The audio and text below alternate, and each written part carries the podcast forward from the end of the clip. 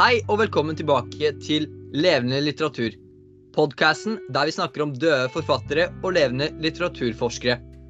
I dagens tema skal vi snakke om opplysningstiden og klassisismen. Vi har med oss to gjester i dag. Ludvig Holberg, en forfatter, Og professor i metafysikk. og Per Myrvang, forsker i litteraturhistorie. Velkommen til deg, Per Myrvang. Tusen takk. Det er veldig hyggelig å være her.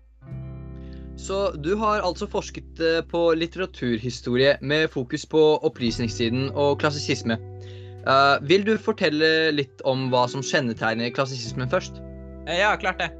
Klassismen var en epoke som oppsto i Frankrike i siste halvdel av 1600-tallet.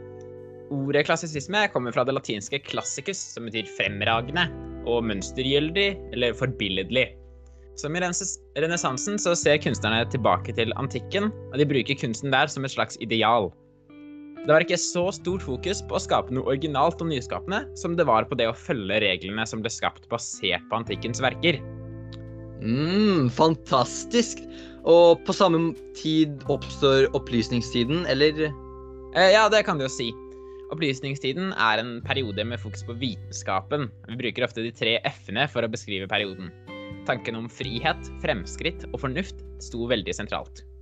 I en periode med mye klasseforskjeller og mørke, så mente opplysningsfilosofene som Voltaire og Montesquieu at kunnskap og opplysning kunne gjøre verden til et bedre sted. Oh, spennende. Så er det noen teksttyper som var særlig populære?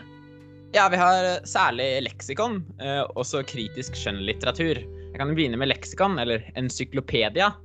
Eh, Det første leksikonet det ble startet av en franskmann med navnet Denise Diderot i 1745. Over 200 menn jobbet samlet på det prosjektet i 20 år, der målet var å samle all kunnskap. Eh, Dagens Wikipedia er en tilsvarende tekstsamling digitalt. Den kritiske skjønnlitteraturen var en annen viktig sjanger i perioden. Samfunnet på tiden hadde sine mangler, og mange kunstnere ville opplyse og peke på problemene gjennom skjønnlitteratur. Her har vi bl.a. Nils Klims underjordiske reiser, som jeg antar at Ludvig Holberg skal snakke mer om senere. Yes, ja, men da sier vi hjertelig takk til deg, Per Myrvang. Tusen takk for at jeg fikk komme. Ja, ja, men da ønsker vi vår neste gjest velkommen inn til studio. Velkommen til deg, Ludvig Holberg. Koselig at du vil komme. Jo, takk for at jeg fikk muligheten. Du, jeg går rett på sak, jeg. Det er bare å gunne på. Så du er jo en av eh, din samtids største forfattere. Ja, altså, jeg vil jo ikke sagt det, men uh, jo da, det er greit. Så uh, ja, du ble jo født i Bergen, korrekt? Uh, Det stemmer. Mor mi het Karen Lem, og far het Christian Nils Holberg. Pappa døde dessverre da jeg var ett år, og mamma når jeg var elleve. OK.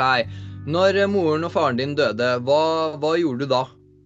Jo, etter at eh, de døde, så flytta jeg eh, til Gudbrandsdalen og bodde der med noen slektninger. Jeg ble litt lei av all flommen, så jeg flytta tilbake til Bergen, da. Uh, for å gå på latinskole? Ja, stemmer det. Uh, flyt, flytte inn til onkelen min Peder Lem. Uh, men i 1702 brant jo store deler av Bergen ned. Hva skjedde med deg da? Jo, som du sa, så brant store deler av Bergen. Den brant. Eh, Latinskolen eh, jeg gikk på, brant også ned, så jeg flytta til København. Og så skrev jeg meg inn i universitetet der. Eh, Jeg fikk etter hvert hjemlengsel og flytta tilbake til Bergen. Og jobba som huslærer og hjelpeprest der en liten stund. Uh, men du var vel veldig glad i å reise, var du ikke det? Jo, det var jeg så absolutt. Eh, Og jeg husker min første europeiske reise som om den var i 1704. Nei, vent. Ja, det var noe. Ja, ja. Eh, Jeg dro nemlig ned til Nederland. Kjempespennende, faktisk. Mm, OK. Og etter det, da?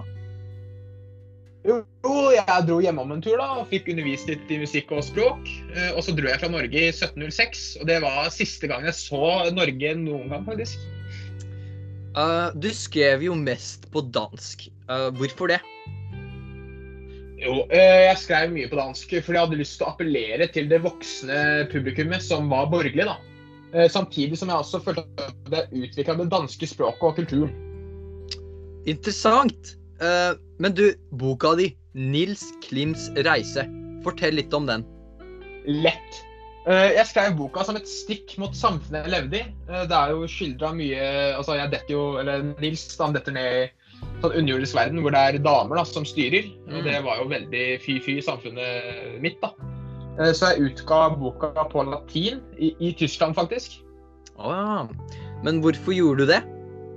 Jo, eh, det gjorde jeg rett og slett for jeg skulle prøve å lure meg unna de strenge sensurreglene i Danmark-Norge på den tida. Boka di har jo blitt veldig kjent, men når den kom ut, øh, var den vel ikke så populær? Nei, altså, det var mange som likte den, men det var mange som ikke likte den òg, for å si det sånn. Jeg ble tungt kritisert og lova meg sjæl å aldri skrive satirisk og humoristisk noen gang igjen. Så altså, hva skrev du etter det, da?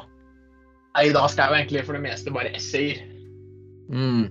Uh, var det noen spesielle inspirerende Nils Klims uh, reise?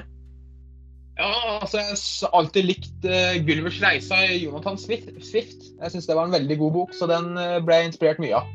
Mm. Inspirerende. Ja ja, der eh, sa vår hovedsponsor Bente Danielsen at eh, vi må runde av, så da tenker jeg at vi takker for måneden. Ha det bra, og tune inn neste uke. OK, gutta? På tre. Én, to, tre. Takk Takk for maten!